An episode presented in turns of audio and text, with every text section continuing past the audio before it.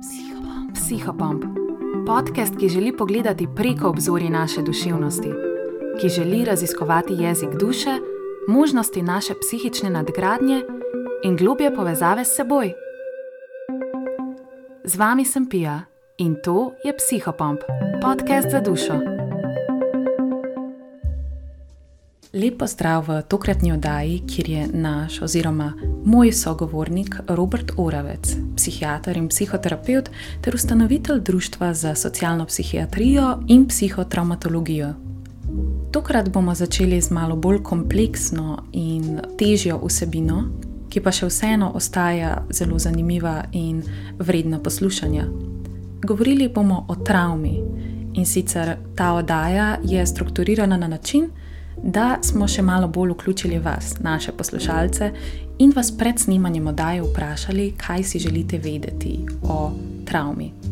Tako da to oddajo pravzaprav začenjamo že z pogovorom globoko znotraj teme. In sicer, predvsem smo znotraj oddaje naslovili travmo znotraj spolnih zlorab, travmo v odnosu in odnos kot travmo, in potem še posttraumatsko rast. Današnja oddaja je kar precej gosta, ima tudi elemente biologije, malo bolj zahtevne snovi, ampak če boste pogledali na timestamp, boste videli, da se za vsakega od vas nekaj najde. V prihodnosti bomo naše oddaje zapeljali malo bolj v drugačno smer in sicer v dialoge o določeni temi lahko je to jungovska tema, lahko je to tema znotraj psihoterapije, znotraj psihologije. Tako da ste res vabljeni, da če imate kakšno zanimanje, da nam pišete in bomo to uporabili kot inspiracijo za nadaljne oddaje. Zdaj pa dovolj voda in vabljeni v poslušanje oddaje. Kako pravzaprav definirati travmo? Ja. Veliko krat ljudje mislijo, da je travma eh, dogodek sam. To ne drži. Ne? Za dogodek lahko rečemo, kvečemo, da je to potencijalno traumatogeni dogodek, iz katere se potem skozi en mentalni, en neurobiološki mehanizem ali razvije travma ali pa ne. In se potem ta travma v obliki simpel uh, potraumatske stresne motnje kaže v v izogibanju, eh, v podoživljanju in v spremembi odsevnosti. Ne? To je mm. poglavitni del te zgodbe. Pri kompleksni potraumatski stresni motnji se k temu še pridruži tudi osebnostna spremenjenost mm. in, eh, in sprememba v življenjskem slogu, negativne predstave o sebi. Tokrat smo v bistvu vprašali naše poslušalce, kaj bi radi izvedeli od vas. In prvo vprašanje, ki se mi je zdelo zelo pomembno in je prišlo od naših poslušalcev, je bilo, kako se travma kaže v zvezi s posilstvom.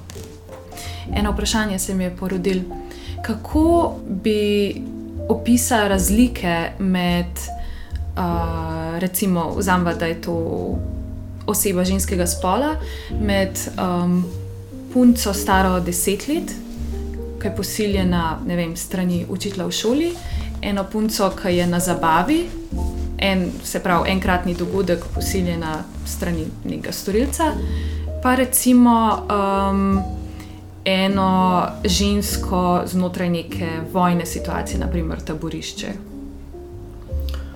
Ja, težko bi to na takšen način diferencirali, ampak Ampak tako kot sem rekel, ne, torej, otrok pred, pred desetim letom, um, to je neko preverbalno obdobje, v katerem je strašno težko oblikovati zgodbo. Mm -hmm. torej, uh, običajno otroci čutijo tako grozen občutek krivde in sramu, in je to zelo pomembno, zakaj. Zaradi groznega občutka nemoči. Mm -hmm. torej, to je že Ferenc opisal, da da, da dejansko otrok z občutkom krivde zakrije še bolj hudi občutek nemoči. Torej, če jaz prevzamem nadzor na ta način, da uh, se mi je to zgodilo zaradi tega, ker sem se ne vem, očetu usedla v krilo, potem od sedaj naprej tega ne bom počela in potem se to ne bo ponavljalo. Torej, lahko na nek način prevzamem, vsaj na videzno, v iluziji, uh, en nadzor nad dogajanjem. Ne? Torej, za otroka je to zelo uh, značilno, da je v bistvu inhibiran v tem, ne? Mm -hmm. čustveno. Uh, nima občutka, da bi to komorkoli lahko zaupala, trpi. Uh, veliko krat se potem prepletajo občutki gnusa, ugodja, ljubezni, naklonjenosti, uh, sovražnosti, jeze. Torej, mm -hmm. Torej, eh, tako kot je Ferenc rekel, da je to umor otroške duše. Mm. Uh, zdaj mislim, da moramo narediti veliko razliko med tem, ali gre do, za spolno zlorabo v času otroštva, mm -hmm. predvsem pred 8 letom starosti, ali pa je to neka izkušnja odrasle osebe. Ja. Uh, to najbrž vsem nam je jasno, da traume, ki se zgodijo, ki se razvijajo v času otroštva, da so potem tudi veliko bolj škodljive. Mm -hmm. uh, zaradi tega, ker je to čas, ko se naši možgani še strukturirajo in uh, posledično se potem te izkušnje veliko bolj globoko zapišajo v te neurobiološke strukture. In to, kar je tudi zelo pomembno, da možgani shranjujejo spomin v skladu z doseženo stopnjo neurobiološkega razvoja. Torej, uh mhm. -huh. Če je nekdo traumatiziran v zelo zgodnjem otroštvu, potem um, večinoma gre samo za vegetativni odziv, torej odziv v obliki nekih telesnih občutkov. Če je to tam nekje tretje, četrto leto, potem pa se že lahko tudi čustva shranjujejo, oziroma uh -huh. uh, bolj natančno rečeno, afekti, torej osnovni čustveni odzivi človeka, mm -hmm. kot je gnus, kot je jeza, kot je žalost in tako naprej. Ne? Eh, in eh, glede na to, da se travmatski spomin shranjuje v različnih delih možganov, eh, potem, ko pride do nekega sprožilnega dogodka, potem običajno se aktivira samo afektivni odziv, ki ga nam priskrbi amigdala, In potem ta odziv je tako močan, da mhm. dejansko ne omogoča, ne dovoli integriranje tega spomina mhm. v, v preostali spominski material. In uh, mehni otroci v odraslosti potem doživljajo hude stiske in niti ne vejo, kam, uh, kam te občutke dati, zaradi tega, ker, ker uh, niso zraven tisti podatki, ki se potem shranjujejo recimo v hipokampusu, ki govorijo o tem, kdo, kaj, kje, zakaj in tako naprej. In, uh, in zaradi tega močnega čustvenega vpliva tudi ne pride do aktivacije možganske skorje, in zaradi tega potem ne uspemo oblikovati neko koherentno zgodbo.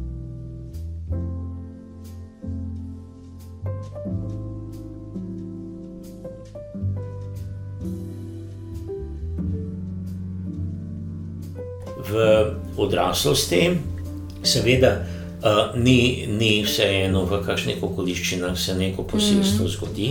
Mm. Recimo za razvoj neke kompleksne potraumatske stresne motnje je potrebno, da, da gre za neko trajno izkušnjo. Recimo, Osebe, ki so ugrabljene, ki so v mhm. koncentracijskih taboriščih in so tam izpostavljene nekim uh, spolnim, uh, spolnim traumam. Uh, če gre za enkraten dogodek, potem uh, je seveda ta učinek nekoliko manjši, odvisno seveda od tega, ali gre za penetracijo ali ne gre za penetracijo, uh, kolikš, kolikšno, koliko nasilja je bilo potrebno za to, da se nekdo onemogoči in da uh, se ga pripelje v stanje, v katerem potem mhm. storilec lahko izvede to dejanje.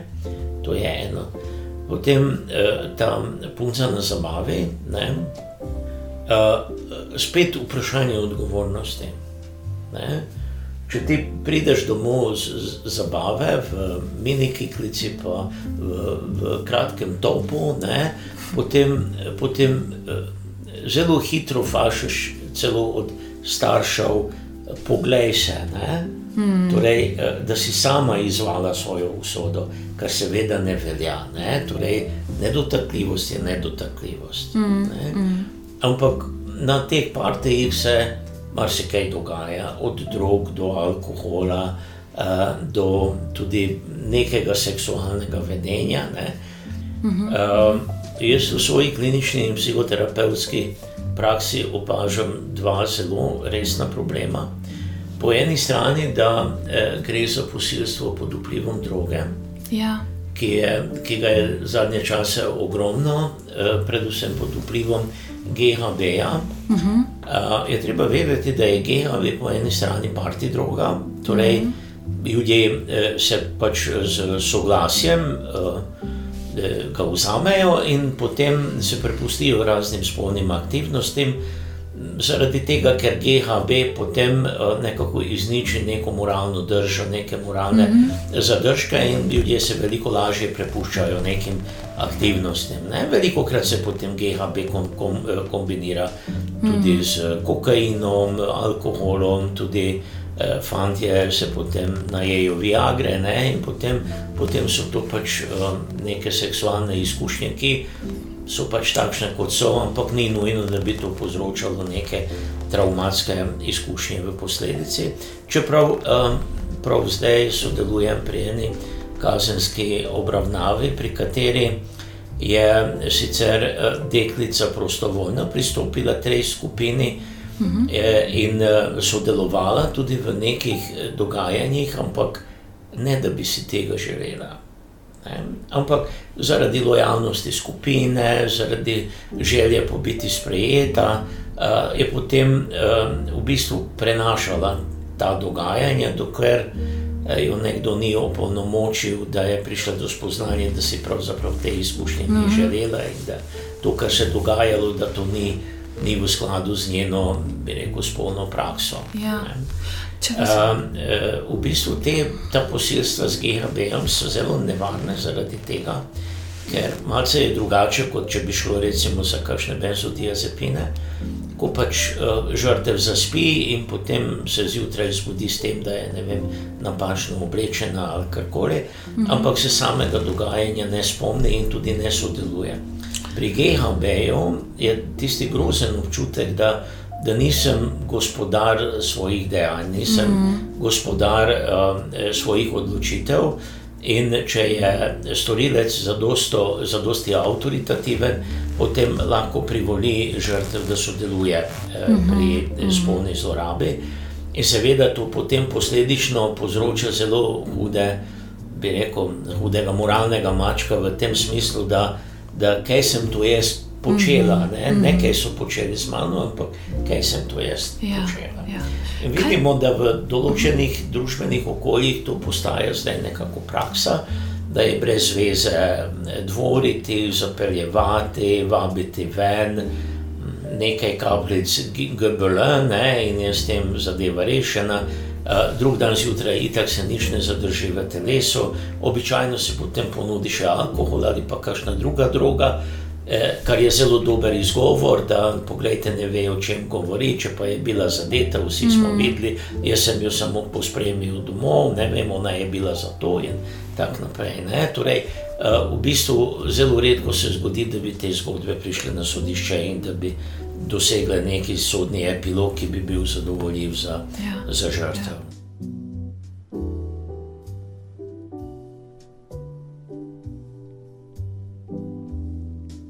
To tudi vemo, da, da je to nekako uh, ena ustaljena praksa, da žrtve spolnih zlorab v odraslosti, pa tudi v otroštvu, uh, ne zmorejo tega, da bi, uh, da bi takoj, da bi se. Eh, da bi takoj poskrbeli za sebe, da bi klicali policijo, da, da bi ohranili kakšne biološke sedi na sebi in tako naprej. Ampak, ampak takojšen odziv je, da, da se stuširaš, da zamenjaš, da mm. zavržeš obleke in tako naprej. Ne? In to potem zelo eh, otežuje delo eh, yeah. Ja. policije. Eh, največkrat eh, policaji rečejo, pa kako naj ti zdaj pomagam. Uh -huh. torej, torej, ni nobenih bioloških sledi, ni forenzičnih dokazov, ni, eh, ni nobenih dokazov o intoksiciranosti in tako -huh. naprej. Ne? Mhm. Ostane samo beseda proti besedi. Yeah. Ja. In je to potem zelo težko uveljaviti na sodišču, predvsem, če se nekdo ne spomni celotne zgodbe. Uh -huh.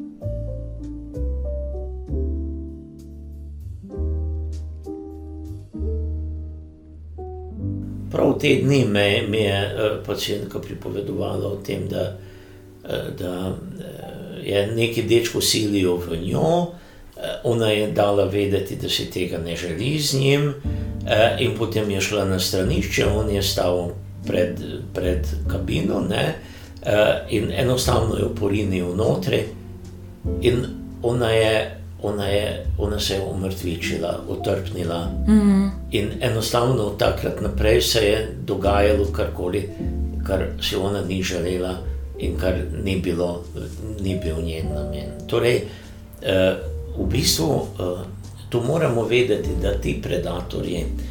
Eh, to so običajno eh, zelo resno osebnostno moteni fanti, še pri 14-15, ki začutijo, mm -hmm. kdo je nemočen. Ja. Ne? Torej, ki, kdo je onemogočen, recimo mm -hmm. zaradi alkohola, kdo je nemočen ja. psihološko, ja. torej se ne zna postaviti za sebe, ki je fizično uh, ja. nemočen. Ja. Ne? In potem tako nastopijo, da enostavno pride do, do reakcije freeze, ja, in ja. potem od tistega trenutka naprej počnejo, kar ja. jih je volja. Gled... Tudi, tudi če žrtev sodeluje. Uh -huh. ne, to še zmeraj ne pomeni, da, da se soglaša s tem. Ja. Um, obstajajo raziskave, ne se vem, da vi to dobro veste, ampak uh, raziskave, ko, v bistvu, da ti storilci bojo nagonsko izbrali ženske, ki že imajo neke take izkušnje, ženske, ki se bojijo, ženske, ki pač imajo neko depriviranost na tem področju. Ja, torej, po eni strani je ta viktimološki aspekt, ne, da eni, eni ne bi rekel, da uživajo v tem, da so žrtve, ampak da. da eh, Da se ne znajo razumsko izogniti situacijam, ki jih lahko pripeljejo v položaj žrtve. Mm. Eh, to danes razumemo malo drugače.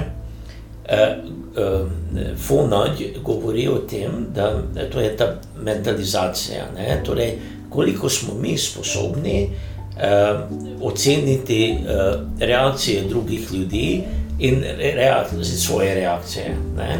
Torej, osebe, ki imajo dober background v, v zgodnjem otroštvu, tudi imajo dobro razvito em, eh, mentalizacijo, so empatični, znajo predvideti, eh, na kakšen način vstopiti v neko situacijo, znajo učinkovito prepoznati, ali je to situacija, ki ogroža ali pa ne. Recimo, vi najbrž ob treh zjutraj. Se ne bi usedla s štirimi fanti v neki zatemnjeni BMW. Ne? Ja, uh, nekatere, nekatere pa v tem ne vidijo neki, neko grožnjo ne? in, in recimo celo sodelujejo pri nečem, ne, da bi si to želela. Ne? Uh mhm. -huh. Enostavno zaradi tega, ker, ker ne poznajo besedo ne. Ja, ja. ne? Uh, to je tudi zelo pomembno vprašanje, zakaj nekdo ne bi znal reči ne. Uh mhm. -huh. Zaradi groznega občutka strahu pred zapuščenostjo. Ja. Torej, da, torej da, da če jaz izrečem ne, to v meni prikliče en grozen občutek neljubljenosti, nesprejetosti, mm -hmm. nesprejemljivosti, neustreznosti. Ne. In, mm -hmm. in v bistvu to zablokira, da bi se postavili zase ker pač to izkušnjo nosimo iz mm. zgodnjega otroštva. No, in so v bistvu potem že spet pri tem, da je travma kot odnos, oziroma travma znotraj odnosa in odnos kot ja, travma. Ja. Včasih rečemo, da za vsako zlorabljeno deklico eh, stoji tudi ena narcisistična mama. Mm. Eh, če hodite po otroških igriščih, po blokih, potem na kilometr vidiš tiste otroke, tam 80-12 let stare, ki se držijo sami, ki se sami uh, gugajo na igralih in tako naprej. In uh, recimo poklicni pedofili opazijo te otroke, mm -hmm. to so za, za njih zelo varne žrtve, mm -hmm. zato ker jih navežejo na sebe in potem pač vložijo račun. Mm -hmm. In uh, zelo redko se to zgodi, da bi recimo pred 35 letom žrtve razkrile uh, svoje storilce. V bistvu zaradi groznega občutka, da če se, če se odpovem tej osebi, če ga dekonstruiram, uh, potem, potem ne ostane nihče. Mm. Ne? Torej, od zadaj je neka hladna, nedostopna, um, ljubiti nesposobna mama. Ne? In v tej, tem krepenenju po ljubezni, potem te osebe, ti otroci, hitro postanejo žrtve. Ja. Uh, poklicnik ali pa priložnostnik pedofilov, mm -hmm. ali pa kasneje mm -hmm. tudi efebofilov.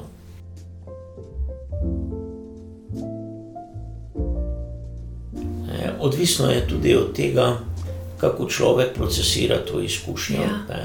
Um, veliko krat vidimo, da predvsem pri teh spolnih zlorabah v otroštvu, da če so nasilni elementi, da potem se veliko lažje procesira ta izkušnja, kot če gre za izrazito navezanost na storilca. Mm -hmm. To morate vedeti, da po eni strani, če gre za spolno zlorabo v družini, potem, potem je to razumljivo, da, eh, da so eh, žrtve, eh, oškodovanci, oškodovanke, namreč gre za oba spola v bistvu. Ne, so eh, sami po sebi sa, samoumevno navezani na storilca. Kaj so pa dolgoročne posledice, predvsem spolne zlorabe v otroštvu? To vsi vemo, da po eni strani gre za kompleksno potraumatsko stresno motnjo, ki potegne za seboj tudi precej resne eh, osebnostne spremembe v tem smislu, da eh, nizka samo podoba, neasertivnost, mm -hmm. eh, izguba nekega zaupanja v prihodnost, ja, ja. Eh, občutek, da človeški odnosi niso varni, da, eh, da, da se ne smem prepustiti. Da, Po eni strani vidimo, da, da gre za seksualno averzijo, torej odklonilnost mm -hmm. do spolnosti, po drugi strani pa gre do promiskuiteto mm -hmm. zaradi tega, ker itak ne ceni več sebe ja. in eh, v bistvu ne zna reči. Ne, ne. Vas lahko malo več na tej točki vprašam, recimo še posebej o promiskuiteti na eni strani, pa malo več o averzivnosti glede spolnosti. Tako te dva pola sta mi zelo zanimiva. Ja, zelo zanimivo, kako se to zna oblikovati potem v odraslem življenju. To mogoče na eno kasnejše vprašanje eh, bom lahko to malo bolj razkril, ampak vidimo to, da, da so to mogoče kot obdobja. Uh mhm. -huh. Da so eh, recimo v najstniških letih um, izrazito promiskuiteta, ja. uh, potem, pa, potem pa na neki točki kot neko spoznanje, neka neka razsvetlitev, in potem pač nekdo pade na drugo stran mm. konja in je e, ekstremno zvest, ekstremno um, odklonilen do kakršne koli e, zapeljevanja, avantur in tako naprej, ali pa da nasploh odklanja mm. spolnost in živi pač neko samsko življenje.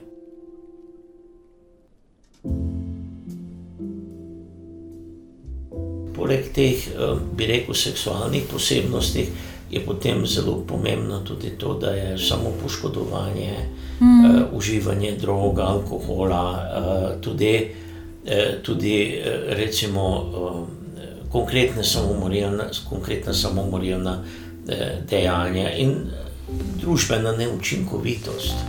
Ja, ja. Da zaradi, zaradi nizke samopodobe potem eh, marsikatero situacijo, ki je za druge izziv, Eh, gledajo, gledajo kot, eh, kot škodo ali pa mhm, tveganje mm -hmm. ne, in ne ugriznejo v tista ja. jabolka, v katere drugi z užitkom. Mm -hmm. In seveda, eh, v kasnejšem času je to en, en grozen občutek, da, da tiste situacije, ki jih drugi doživljajo kot ugodne, oni eh, doživljajo kot nekaj, kar jih odvrača ne, uh mhm. -huh. ali pa zbuja nezaželene občutke. Kaj bi rekel, da je um, in za to vprašanje, ki smo naslovili, se pravi, uh, dva različna pola, promiskuiteta in averzivnost, uh, in hkrati za to, kar ste zdaj naslovili, ne, drugi, drugi lahko doživljajo ugodje, nam zbujajo ja. občutke krivde. Ja, torej, Kaj je mentalni proces? Ja, za to je po eni strani je to psihološki po drugi strani pa tudi obstajajo neurobiološke predpostavke. Uh mhm. -huh. Recimo uh, osebe, ki, eh, ki imajo neko resno traumatsko zgodovino, potem imajo veliko manj uh, endorfinskih in serotoninskih receptorjev. To pomeni, da po eni strani se strašno težko sprostijo, in uh, zelo težko tudi doživljajo en občutek ugodja. To pomeni, da dražljaji morajo biti zelo intenzivni.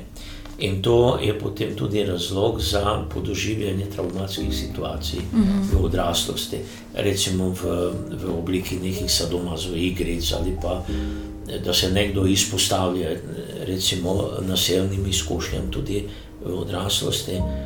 Um, včasih pacijentke mi pripovedujejo o tem, da uh, ko neka tesnoba, neka, nek občutek prizadetosti prestopi mejo, da potem iščejo take situacije, v katerih pride do mm. ponavljanja uh, traumatske izkušnje. Ne, Kako tudi, v bistvu sami kreiramo. Tako, tako.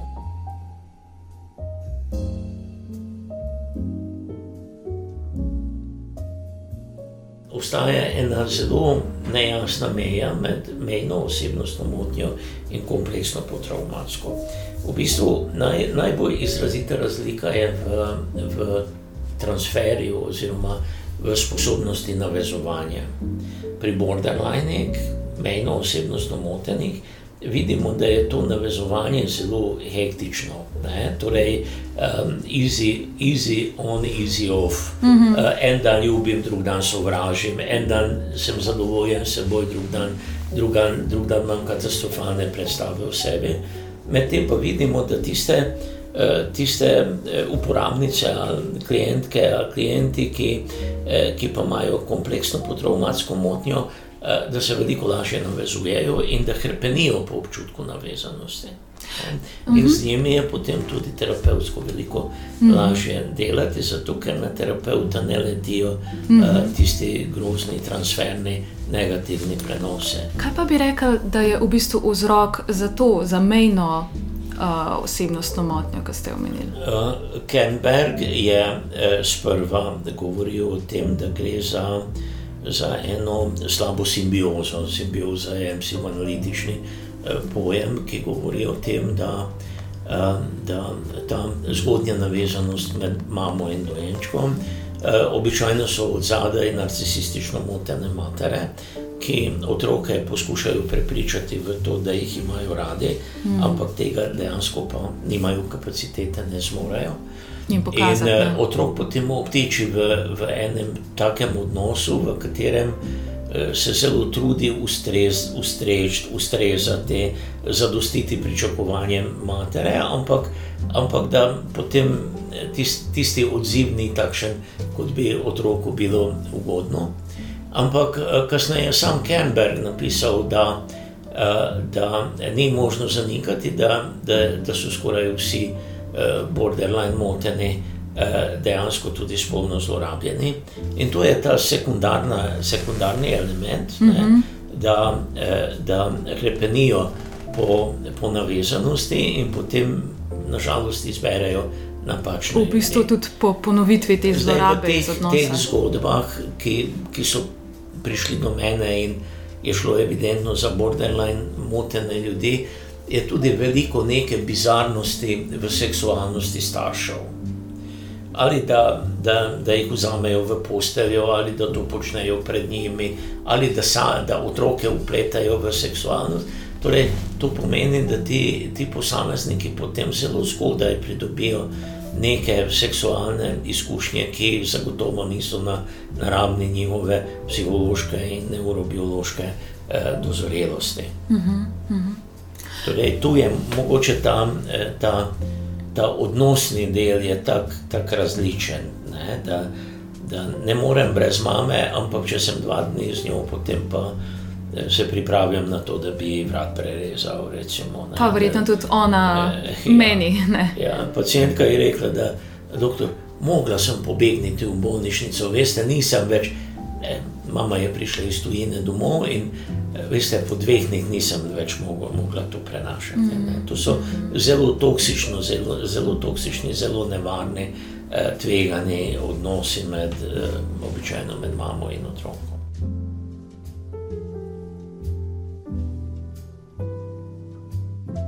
Zdaj mi prepoznamo travmo, ki izhaja iz konkretne izkušnje, in preka, prepoznamo tudi, take škodljive vplive, ki, ki izhajajo iz medosebnih odnosov. Mm. Predvsem, predvsem iz odnosa otroka in matere, oziroma roditeljev, in v odraslosti tudi lahko iz partnerskega odnosa. Mm. Zdaj, uh, v bistvu prehajamo na teren toksičnih odnosov. Da tako starši, kot tudi partnerji, prijatelji, sodelavci, šefi, kdorkoli, lahko uh, svoje nesprejemljive notranje občutke, elemente prek projektivnih mehanizmov prenašajo na osebe okoli sebe, mm. ki, ki si to sprejmejo oziroma dovolijo.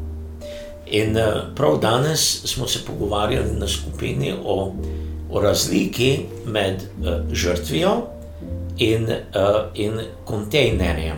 V čem je razlika?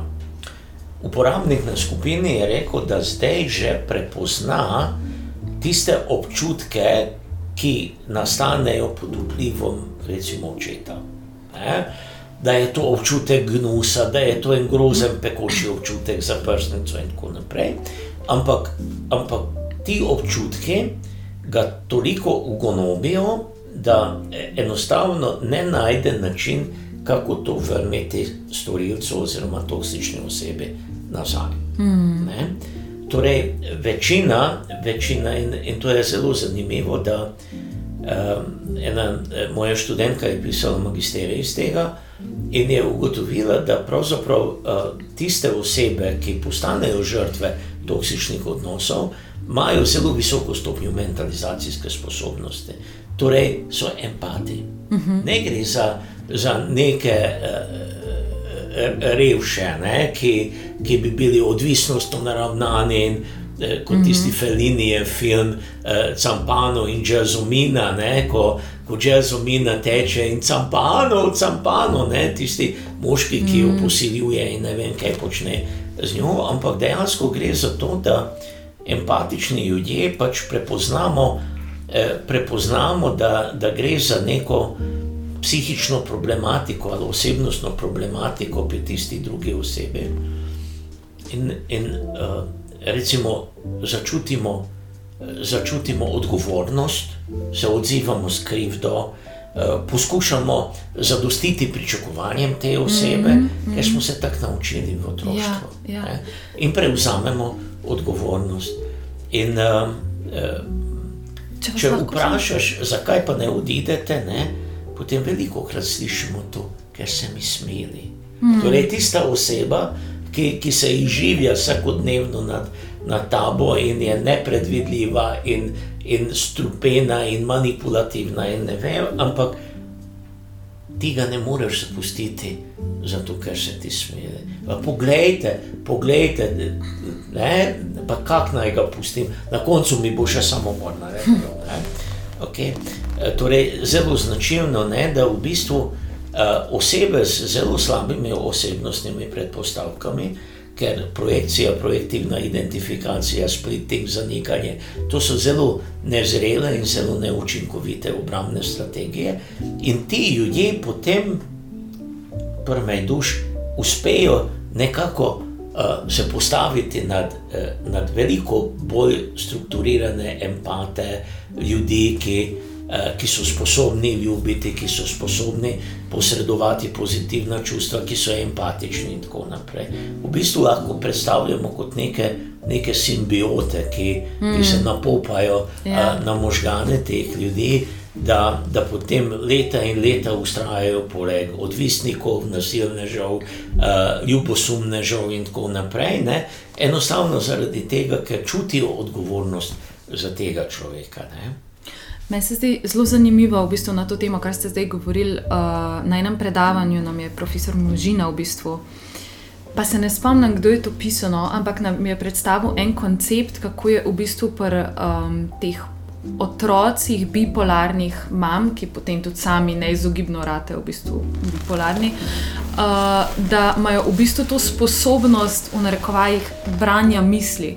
Se tako uh, rezonirajo na pač ja, svojo ja. mamo. In, to, je da, ta, uh, to je ta mentalizacija. Ja, ja. Torej, da, da, eh, veste, uh, starši nas lahko vzgajajo na različne načine.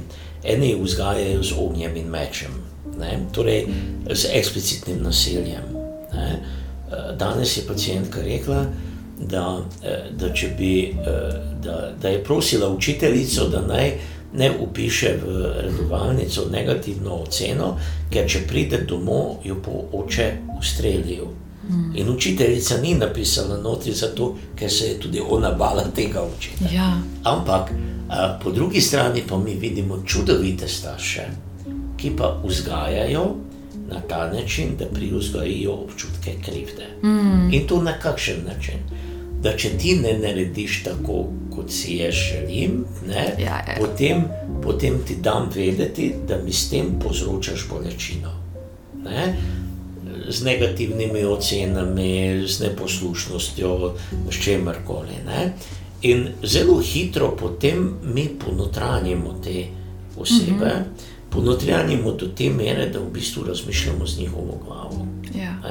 V bistvu nastane neka prisilna uh, simbioza, ki si ga otrok zagotovo ne želi, ampak nima moči, da bi, da bi mami to reflektiral nazaj. Da, kako bi se ti počutil v mojem, mojem mestu. Ne? Tudi zaradi tega, ker ti starši uh, zelo lepo znajo izraziti, da vse je to v tvoje dobro. Hmm. Torej, da, da ti še nisi zrel, ti nisi še odrasel, ti ne veš. Jaz bom poskrbel za tvoje potrebe, in tako naprej. In, e, in uh, to, da, da ne odobravam to, kar ti misliš, da je prav, to počnem zaradi tega, ker, ker mislim, da je to napačno. Mm -hmm. Dejansko pa gre za to, da te osebe nimajo kapacitet, mentalne kapacitete za to, da bi sprejeli drugačnost. Mm -hmm. torej, da bi drugo osebo sprejeli kot drugo osebo, ampak, uh, ampak uh, jemljajo tako kot svoj uh, projekt. Ja, torej, podaljšek v bistvu. Tako, tako, tako. In v bistvu vse, kar je drugače od njihovih predstav, eh, zbuja potem neko obliko agresije. Mm -hmm. Kako bi vi rekli, da je pa neka prava pot vzgoje otrok?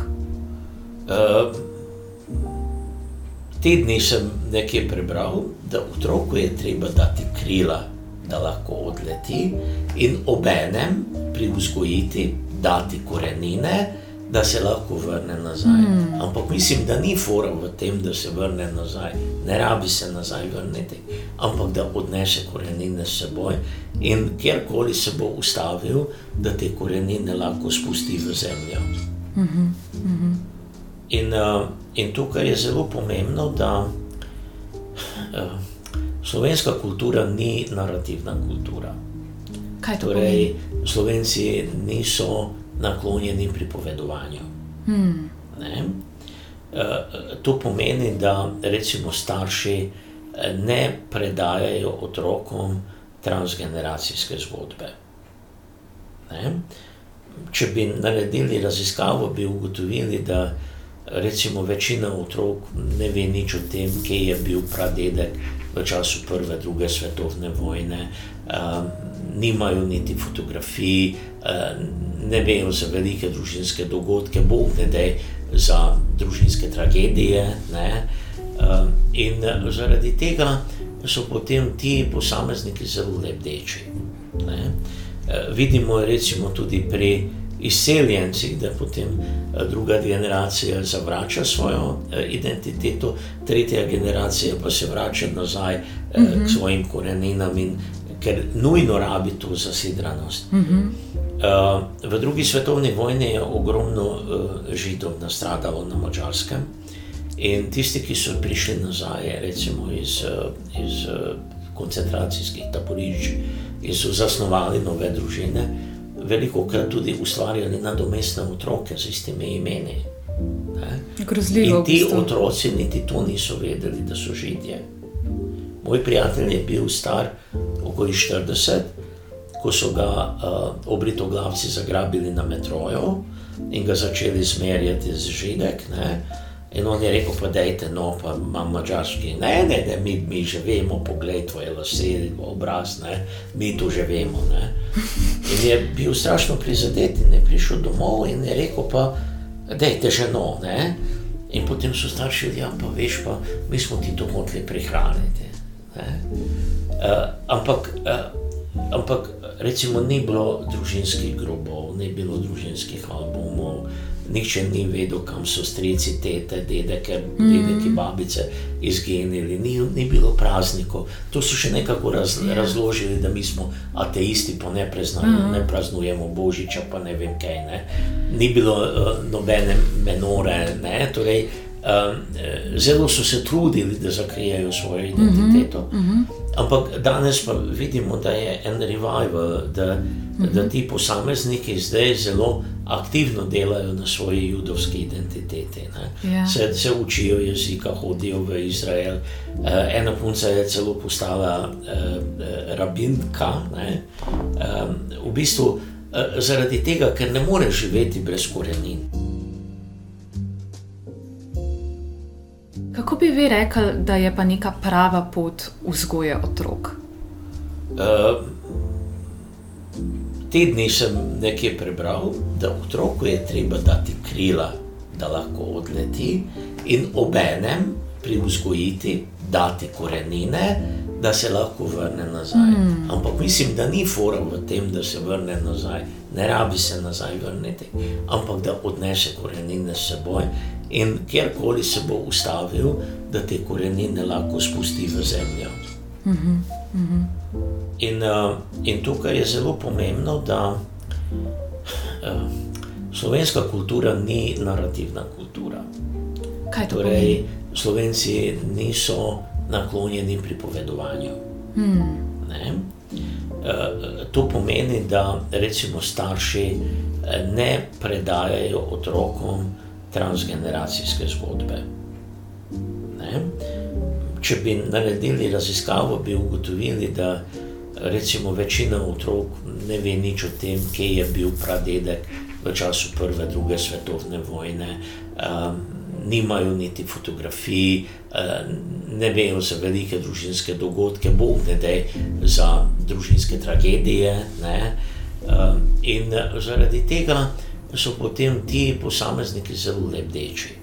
E, vidimo recimo tudi pri izseljencih, da potem druga generacija zavrača svojo e, identiteto, tretja generacija pa se vrača nazaj mm -hmm. k svojim koreninam, in, ker nujno rabi to zasidranost. Mm -hmm.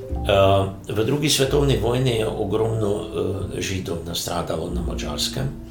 In tisti, ki so prišli nazaj, recimo iz, iz koncentracijskih taborišč in so zasnovali nove družine, veliko krat tudi ustvarjali nadomestne otroke z istimi imeni. Grozljivo. In ti otroci niti to niso vedeli, da so židje. Moj prijatelj je bil star okoli 40, ko so ga uh, obritoglavci zagrabili na metroju in ga začeli zmerjati z židek. Ne? In on je rekel, pa dajte, no, pa imam mačarski. Ne, ne, ne, mi, mi že vemo, pogled tvoje lase, obraz, ne, mi to že vemo. Ne. In je bil strašno prizadet in je prišel domov in je rekel, pa dajte že no. Ne. In potem so starši rekli, ja, pa veš, pa mi smo ti to hoteli prihraniti.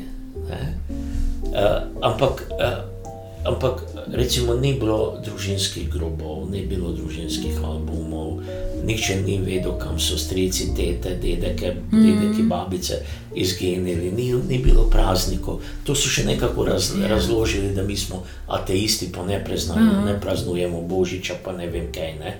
Ni bilo uh, nobene menore. Ne, torej, um, zelo so se trudili, da zakrijejo svojo identiteto. Mm -hmm. Ampak danes pa vidimo, da je en revival, da, -hmm. da ti posamezniki zdaj zelo aktivno delajo na svoji judovski identiteti. Ja. Se, se učijo jezika, hodijo v Izrael. Uh, ena punca je celo postala uh, rabinka. Um, v bistvu uh, zaradi tega, ker ne more živeti brez korenin. Ja, v bistvu bi vas zdaj na tej točki rada vprašala, kako bi rekli, da je direktor, kako je povezana travma z, neko, z nekim pomankanjem identitete. Ja, recimo, moj dedek, moj dedek je bil po drugi svetovni vojni zaprt eno leto, uh, zaradi sodelovanja z okupatorjem. In svojo glavo je sačuval na ta način, da je uh, oče odšel v Partizane. Uh -huh.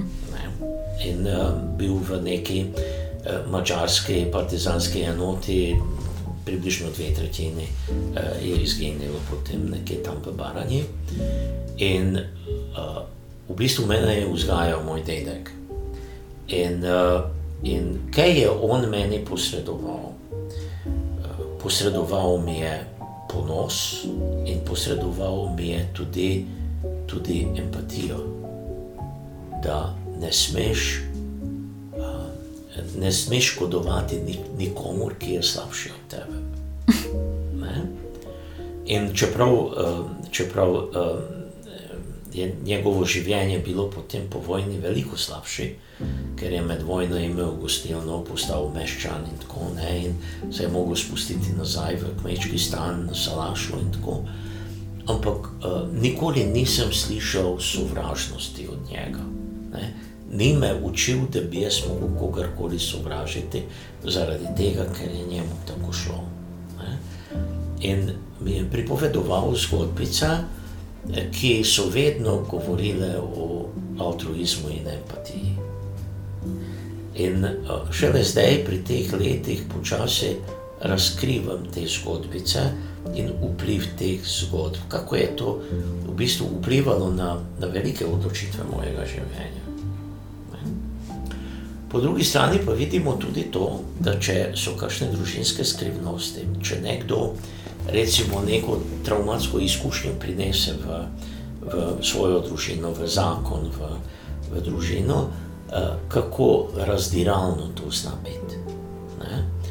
Da eh, otroci, otroci smo kot goba, ki, ki mm. srka vase eh, ta odnos med staršema. Mm. Da ali ti vidiš svoje starše, da bi se objela, ali da bi se poljubčkala, ali kakšni pridajo domov. Kakšni, kakšno ustanete zjutraj iz postelja, Eh, kako rešujete probleme, eh, kako visoko je neki nivo razražljivosti, napetosti, bevskanja, loputanja z vrati. Ne? Eh, otrok vse to posrka vase. Po eni strani to oblikuje njegovo neurobiologijo, kasneje pa tudi njegove predstave o družini, o, družini, o zakonu, o partnerstvu, -hmm. o, o marsičem. In jaz vem, kako, kako pomembno je to, da da nekdo razkrije svoje travme otroku. Ne? Mogoče kakšen teden nazaj sem svetoval eni naši uporabnici, ima 17-letno hčerko, da naj gre z njo na sprehod in na sprehodom naj, naj pripoveduje o tem, uh, kako se je ona počutila v svojem prvem zakonu, ko je bila deklica še ne vem, 4-5 let stara. To je, to je neverjetno dragoceno, ko, ko neko narativno vrzel, neko luknjo izpolnimo z vsebino. Uh -huh, uh -huh, uh -huh. Recimo dol v Vojvodini, po enih podatkih, so ob koncu druge svetovne vojne pobili okoli 40 tisoč mačarjev. Uh, o tem se do 90-ih let nič ni zgodilo, ampak to je zgodba mojih dedekov. Uh, moj drugi delek je bil edini, ki je preživel med 200 ujetimi, zajetimi v, v moru. Ne? In, uh, in kakšno leto kasneje so se celo odselili iz mora in nikoli več se niso vračali tja. In to je bilo, nikoli o tem nisem razmišljal, kaj posebej, ampak sem čutil, da je neka napetost okoli tega. Ne? In to, da je dedek preživel, ne, je potem s tem izpadel nekakšen izdajalec mm -hmm. v očeh tistih družin, ki so izgubili svoje svojce. In to je ustvarilo eno tako napetost, da so se preselili stran od tam. Ne. Zdaj, seveda, to je tudi zelo pomembno, na kakšen način je to izkušnjo moj dedek ali pa moja mama ponotranjila. Mm -hmm kaj je ob tem mislila o sebi. Ja. E, jaz sem, potem, ko mama ni več živela, dedek pa itak ne, sem potem očetu enkrat namignil, da je to ta zgodba. Ne? In on je samo pokimal z glavo, da je to to. In s tem smo mi rešili. Torej, to pomeni, da sem neke stvari, neke občutke, eh, neko, neko sugestijo postavil na svoje mesto. Mm -hmm. In to so zelo dragocene stvari, ki človeku dajo občutek eh, neke zasidranosti. Uh, oče nikoli ni govoril o pradedeku mojem. In potem tam dve leti, tri pred smrtjo, eh, v domu ostarelih sediva in potem on zače, začne uh, govoriti o dedeku. Ne? In uh, ga predstavi kot enega zelo klenega, zelo gospodom, uh, zelo uh, bi rekel, eh, podjetniško naravnanega človeka, ki je imel štiri otroke in je organiziral svoje kmečko gospodarstvo na ta način, da eh, ko so otroci odrasli, eh, punce, ko so se poročile, in fantje, ko so prišli od vojakov, so dobili pet hektarjev zemlje in salaš. Ne? In to na ta način, da, da so vsi otroci imeli svoje naloge v v gospodarstvu. Recimo, moja babica je imela nalogo, da je redila drobnico, eh, purane, eh, gosi, ki jih je potem dedek peljal na tržnico pred Božičem, prodal in potem za eno leto vnaprej plačal anuiteto za kredit. Da, da karkoli se bo zgodilo, da je kredit plačan. Ne? In potem vsake toliko časa je potem kupil še en štikel zemlje in, in na ta način. Torej, da, Torej, da je imel pred svojimi očmi, da, da svojim otrokom mora nekaj zagotoviti. Ne? Torej, da mm -hmm. je to kao nekakšna njegova dolžnost. Na stara leta je potem živel pri eh, mojih starih starših in, um, in vsake toliko časa se je potem oblekel vzel psa s seboj in potem sta šla od enega salaša do drugega, tam preživel kakšen teden, se zmernil za predelke, pocajtal konja in potem šel naprej. Ne? In uh, ne vem, zelo fajn je, ko človek začuti, da, da se lahko zasidra v nečem takem. Ne? Torej, da, da, uh, da čutiš, da, da tvoje korenine segajo v take pozitivne stvari.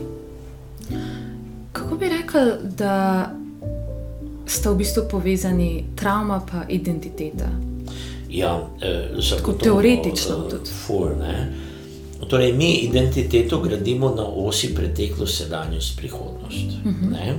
Da na osnovi svojih preteklih izkušenj potem ustvarjamo neke predstave o prihodnosti, s tem, da imamo eno, eno možnost korekcije v sedanjosti. Uh mhm. -huh. Torej, če se mi prepustimo svojim, uh, svojim izkušnjam iz preteklosti, potem najbrž uh, med uh, nekimi izbirami, nekimi odločitvami, ne bomo izbirali najboljše, predvsem, če so od zadaj, recimo, negativne predstave o sebi. Ne? Da, da to, kar bi drugi doživeli kot izziv, mi bomo doživeli kot, kot tveganje ali že škodo, da itak ne bo, ne bo uspelo, nisem jaz zadosti dober za to in tako naprej. Ne? Torej, zelo so pomembni potem vplivi iz okolja. Ne? Nekoč smo mislili, oziroma pač v času mojih starih staršev, najbrž je življenje bilo tako, tako konstantno, tako zasidrano v ideologiji, v veri, v vsakdanji kmečki rutini, da, da, da je človek dejansko imel takšen občutek, da kakšen se rodiš, tak, takšen tudi na koncu umreš. Mi pa smo danes uh, namočeni notri v ta intersubjektivni diskurs, ne, da vsak dan nas bombardirajo z milijoni informacij, s katerimi mi, mi ne nekno spremenjamo naše predstave o sebi. Ne.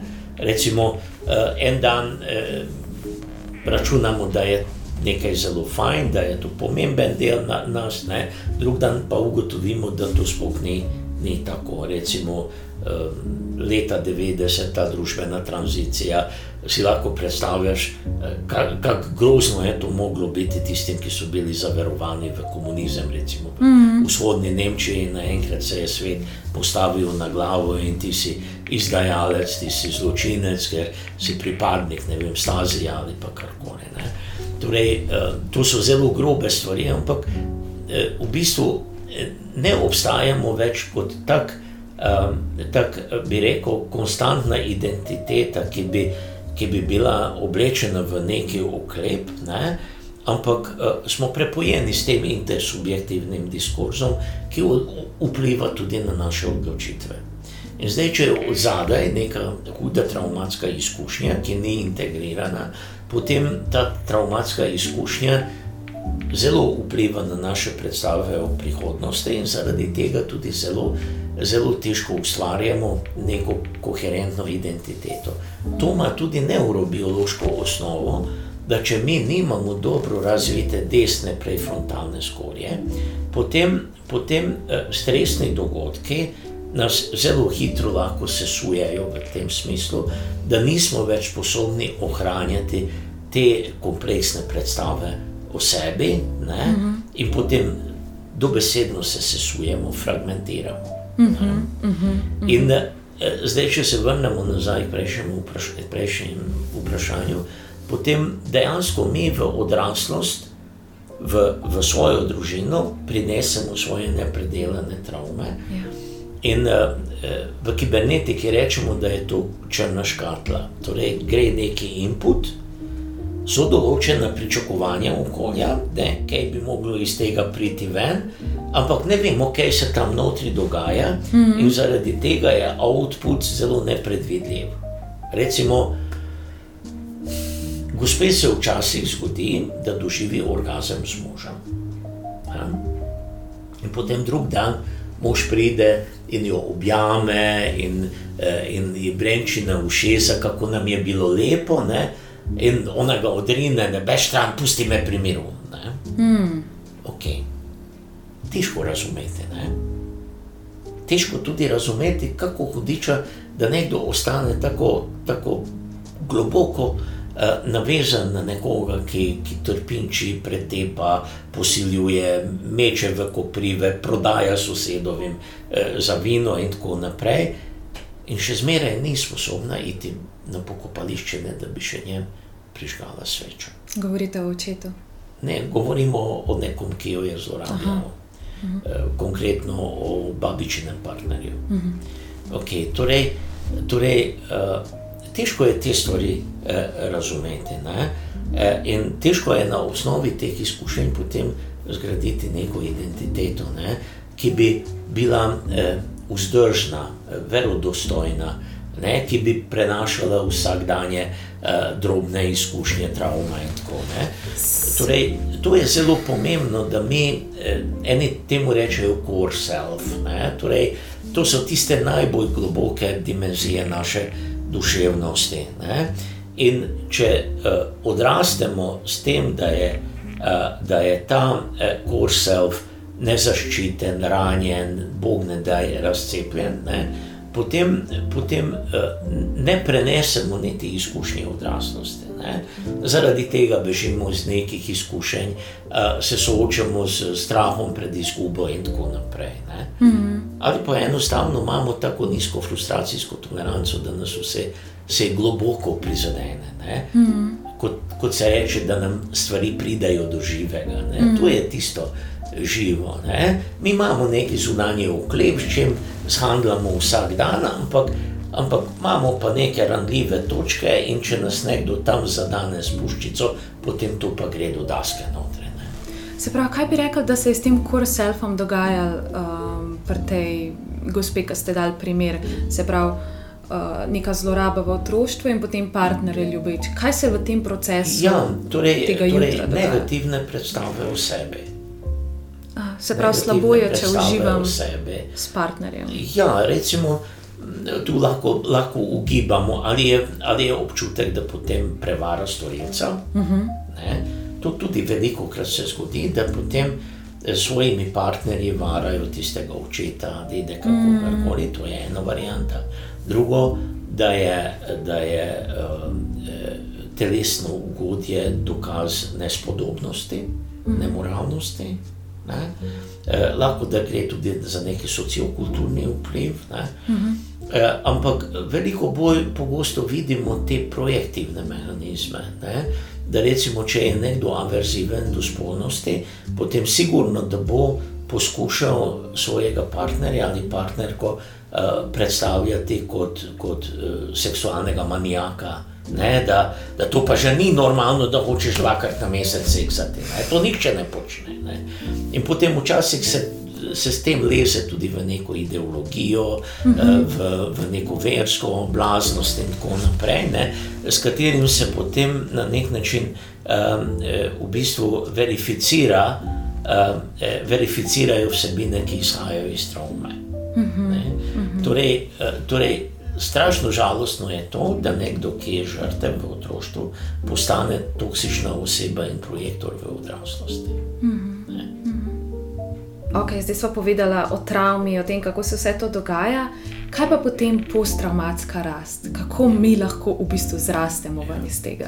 Torej, uh, travma je kot uh, kot uh, ko kamen pade v vodo in se naredijo ti koncentrični kroge. Uh mhm. -huh. To pomeni, da, da tisti, ki smo bližje traumatski izkušnji, fašemo več od tega, tisti, ki so bolj stran, pa manj. Uh, mi govorimo pogosto o, uh, o, uh, o profesionalni sekundarni traumatizaciji. Uh mhm. -huh kar ni izgorevanje, kar ni transferni prenos, ampak v bistvu se prepojimo s travmo. Kaj to pomeni?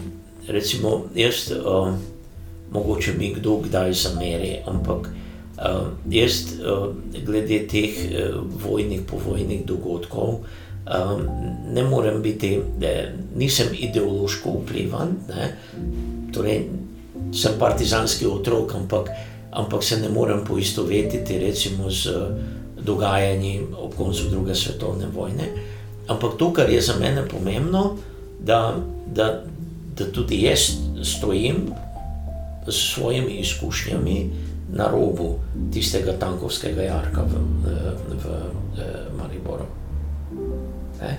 Torej, da, eh, da na osnovi vseh teh izkušenj s traumatiziranimi osebami, z žrtvami, v bistvu uh, postajam eden od njih. Ne? Eden od torej, vaših torej, pridnikov. Prosim. Eden od vaših pridnikov, eden od vaših žrtev, mislim, od žrtev strilcev. Torej, se, ne, ne samo sočustvujem, ampak, eh, ampak doživljam to, kar žrtev doživlja. Uh -huh. torej, okay ali kot, ali kot žrtev seksualne travme, ali kot žrtev vojne travme, in tako naprej. Ne? In mene to vedno žene k temu, da, da propagiram eno, eh, eno prepričanje, da ni dobrih in slabih žrtev. Ne? Torej, da, da vsak človek, ki, ki, ki nedožno eh, postane žrtev nekega nasilnega dejanja, potem neodvisno od ideologije, verske pripadnosti, rase, karkoli, torej za mene predstavlja žrtev. In, uh, in zaradi tega sem najbrž tudi pacifist postal pri, pri teh letih, ne? ker, ker za mene je grozno to predstavljati, da, da se ljudje pobijajo med seboj, da, da gledaš smrti v oči. Da, torej, da, da, da za mene ni pomemben tisti cilj zaradi katerega se ljudje pobijajo, ampak meni je pomemb, pomemb, pomembno samo tisto trpljenje, ki ga ljudje doživljajo ob tem. In sem prepričan, da ni takega političnega cilja, zaradi katerega bi ljudje mogli umirati. Ja. Torej, uh, torej, to je potraumatska rast. Uh, glede na to, da, da že 30 let delam s traumatiziranimi ženskami, ne, moj odnos do žensk se je ful spremenil. Ne? Eh, kaj to pomeni? Da, eh, da potem, ko so mi ženske začele govoriti o tem, da so privolile v neki spolni odnos, ne da bi si želele, samo zato, ker niso znale reči ne, pa moram reči, da sem vse kar zagrabil zase in sem potem naredil neko bilanco svojih spolnih izkušenj iz uh, mladih let. Ne, In sem pomislil na to, ljubi Bog, ne, mm. ljubi Bog, eh, katera je bila tista punca, ki je šla z mano, pa najbrž ni želela spolnosti z mano. Ne.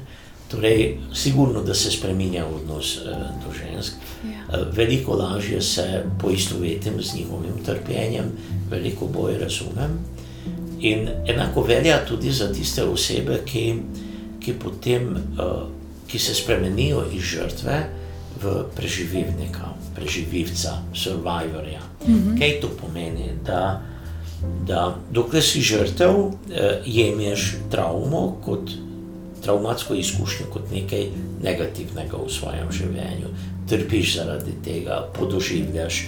Uh, Máš nočne more, vpliva na tvoje medosebne odnose, uh, poskušaš prikriti te izkušnje in tako naprej v terapevtskem procesu eh, pač predelaš to izkušnjo, prideš do spoznanja, da, eh, da z ničemer nisi prispeval k temu, da se je to zgodilo, da, da tisto zlo, ki si ga do sedaj nosil v sebi, da dejansko sodi v tisto osebo, ki je to storila.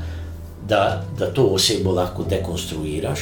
Uh mhm. -huh. Ko je pacijentka rekla po sedmih letih, da zdaj pa res nimam nobenega izgovora za njega, nobenega upravičila. Ne? Torej, to pomeni, da, da, da ni več nobene iluzije, da je to bila ljubezen, ne? ampak dejstvo, da je to bila zloraba, da je to bilo neko grozno sebično dejanje, pri čem tista oseba sploh ni upoštevala to, kakšno bolečino nekomu povzroča. Ne? In uh, vidim to, da, da ko moji klienti, pacijenti končajo to, ta terapevtski proces, da se veliko krat pojavi neka želja in potreba, da bi pomagali drugim, ali poklicno, ali prostovoljsko, eh, da celo preusmerijo svojo poklicno kariero, mm -hmm. da eh, zelo močno vplivajo na svoje partnerske, družinske odnose in tako naprej. Ne? Torej, da gre po eni strani za en občutek, eh, osvobojenosti, ne? torej da, da neke izkušnje te ne držijo več v, v, v pesti, mm -hmm. ne? da ne vplivajo več na tvoje doživljanje. Recimo, da eh, psihoanalitično bi rekli, da tudi libido se v, sprosti. Mm -hmm. eh, gospa je rekla, prej sem to počela zato, ker sem mislila, da moram. Ne? Zdaj pa sem jaz tista, ki odloča. Sveta. V bistvu se je kar dala duška. Se sliši, da je v bistvu trauma na nek način lahko tudi na koncu osmisel. Ja, seveda, seveda. Ne, vse to vidimo, da, eh, da osebe, ki to dajo skozi, potem uh, tudi v svojem okolju uh, širijo neko, neko božjo misel. Ne? Ne religiozno, ampak da se ja. o ta, tem da govoriti, da, uh mhm. -huh. da se je treba postaviti za žrtve, in tako naprej. Ne. To vidimo, ne, recimo, Uh, jaz se spomnim uh, začetek 90-ih, ko, ko je Oprah Winfrey uh, povedala, da je imela intervju z Judith Herman in je potem povedala, da je bila spolno zlorabljena. Lahko predstavljate, kakšno svobodo je to prineslo za američanke, da ljubi Bog, potem jaz tudi lahko govorim mm -hmm. o tem. Mm -hmm. Ena moja že pokojna znanka, Paul Zalain, uh, je v 80-ih letih delala kot psihologinja na oddelku za otroško hematologijo v Budimpešti. In otroci so takrat še ni bilo kemoterapevtikovi, so serijsko umirali. In ona je pisala potem o zavedanju smrti pri otrocih. In vmes omenila, da je ona tudi imela podobne izkušnje, ki so zelo blizu smrti, ne da bi razkrila, kaj so bile te izkušnje. In uh, potem, ko, so, ko je ruska vojska odšla z Mačarske v začetku 90-ih, je napisala knjigo. To je bil čas, ko je prvič prišla nazaj v tisto vas, v kateri se je to dogajalo, in je napisala eno knjigo s naslovom Ženska na fronti. In je opisala to, da, da sta staščo obtičali v eni vasi, ki je bila nekje na frontni črti vsako noč so prihajale nove ruske enote in jo serijsko posiljevali. Ne? Posiljevali do krvavitev, uh, hrbtenico so izlomili, tako so zvijali noge nazaj, uh, so uh, uro štopali, koliko časa kdo ima na njej, uh, okužili so jo z gonorejo in nikoli ni mogla več imeti otrok. In, uh, in ta knjiga je tako katartično delovala na te mačarske babice, ki so še bile žive v 80-ih, 90-ih, ki so tudi to dale skozi. Mm. In kot, kot mogoče en, en pozitiven zaključek, da jo je potem ruski vojaški ataše povabil in v sklopu nekega eh, diplomatskega banketa eh, se njej, kot predstavnici posiljenih mačarskih žensk, opravičil v imenu ruske vojske. In to je seveda imelo tudi neko medijsko podporo. In, tako, in, in to je veliko spremenilo na tem, da, da so te babice potem tudi uh, povedale, da ja, veš, mene pa so tudi. Ne? Da to ni več bila sramota, da to ni več bila njihova odgovornost, ampak tisto zlo se je iz njih preneslo na tiste, ki so to storili. Da je to nečloveško, da se to ne počne. Preden zaključujem, bi vas samo še vprašala, um, ker sem se spomnila, da so pozabila povedati tiste tri punčke. Se pravi, ena deset let stara, ena stara, uh, ja, ne vem, koliko na zabavi, in tretja v. Vtičali pri odrasle, ja, odrasle ja. ženske. Ki naj bi v nekem bi taborišču uh, ali pa vojna, ne izkušnja, ja. kot smo bili ja. zdaj, kako pa ja. se travma, recimo, oprnje. Uh, zelo zanimive izkušnje iz časa bosanske vojne da smo hodili takrat kot neka ekipa za psihosocialno pomoč.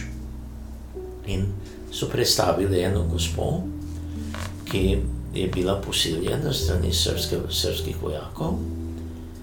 In za njo je bilo najbolj tragično to, da je prišla do spoznanja, da to, kar je mož počel za njo, z njo, se v ničemer ni razlikovalo od tega posilstva da v bistvu uh, uh, odnos tega srpskega vojaka, ki mu je bilo ukazano, da pač mora nekoga posiliti tam v taborišču, je bil na nek način celo še bolj prijazen kot odnos njenega moža. Hmm. Seveda, to je zelo široki spekter. Uh, to posilstvo v bosanski vojni, to je. To je bilo politično motivirano dejanje, da bi razrušili uh, bosanske družine, ki preživijo. Ne? Torej, da bi, da bi uh, uh -huh. izgubili, da bi, moški, da bi moški bili na ta način degradirani, da, da je sem imel tvojo ženo, torej, da, da je na nek način umazana, razrednotena. Ne? In seveda potem. Te ženske so tudi to doživljale, najbrž z zelo mm. močno mero sramu in krivde, in tako naprej. To so, to so zelo krute zgodbe, uh, zelo nečloveške, zelo primitivne, ampak veste, vojna je psihoza, vojna je en proces decivilizacije. V vojni počnemo stvari, ki jih sicer niti na, niti na kraj pameti ne bi padli. Ne? In tudi to, da ti, da ti posiliš, uh, posiliš uh, ženske svojih sovražnikov, da pustiš uh, svoj genetski material v njih, ne, da je to tudi ena oblika vojnega dejanja. Ne. Mm. Da ne gre samo za to, da, da so bili tisti ruski vojaki toliko željni spolnosti, ampak, ampak da je to v bistvu gratifikacija zmagovalca in da zmagovalec potem tudi pusti svoj genetski material. Mm. Mm. In si lahko predstavljate to, to grozo teh žensk ob koncu druge svetovne vojne, ki so ja. potem roje, množično rojevale otroke, ki si jih niso želele. Ja. Kako je to vplivalo potem na kulturo v Nemčiji? Ne? To vemo, da recimo nacistična ideologija je govorila o rasni nadvladi, ne? in potem so prišli ti krajni eh, postavni eh, črn, črni vojaki, ki so potem eh, harali po Nemčiji in so se rojevali, rojevali ti črni otroci. Ne? Sigurno, da je to vplivalo tudi na to, da je recimo Zahodna Nemčija veliko bolj tolerantna do multikulti. Um, Zahodna Nemčija nima težav s tem. Tam, tam se, so se vsi zelo fajn integrirali, in Turki, in Jugoslovani, in drugi. Ne. V vzhodni Nemčiji tega ni bilo, in v vzhodni Nemčiji pa je tudi veliko več teh neonacij gibanj, mm. pa v hmm. Avstriji tudi. Mm. Tako da te stvari vedno imajo neko dobro, pa neko, ampak veliko več slabe plati. in mogoče kot, kot neko končno sporočilo, da, da uh, običajno prva generacija, ki sodeluje v vojni, uh, ne zna prenesti svoje izkušnje, zato ker je tako hudo. O čem ne moreš govoriti, to izživiš in preneseš, recimo, v nasilje v družini, pa v alkoholizem. Mm. In glej zaradi tega, ker, ker se ker se te traumatske izkušnje ne prenesejo ven, ne samo z žrtev, ampak tudi storilcev. E, v bistvu pride do tabuiziranja, in druga generacija pridobi neke, e, bi rekel, neko, neki mit, ne? da druga generacija še sovraži, čeprav niti ne ve zakaj. Ne? In, uh, in to blazno prispeva recimo, k radikalizaciji v slovenski družbi.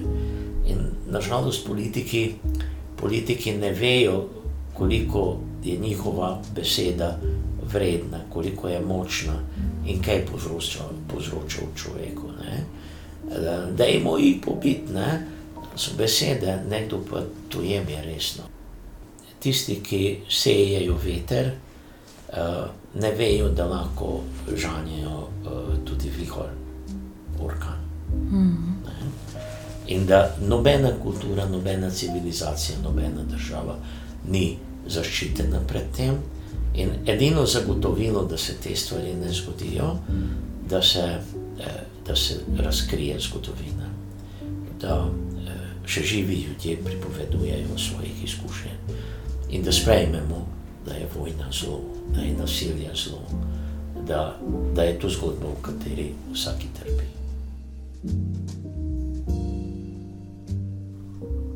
Hvala, da ste bili danes z nami, da ste poslušali našo oddajo do konca in upamo, da ste iz te oddaje vzeli nekaj zase, okrepili svoje znanje o travmi, si morda odgovorili na kakšno lastno vprašanje in poglobili svoje zanimanje v psihološke teme.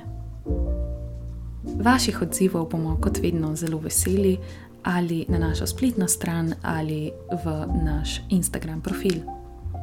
Bodite lepo, mi pa se poslušamo v prihodnjih oddajah.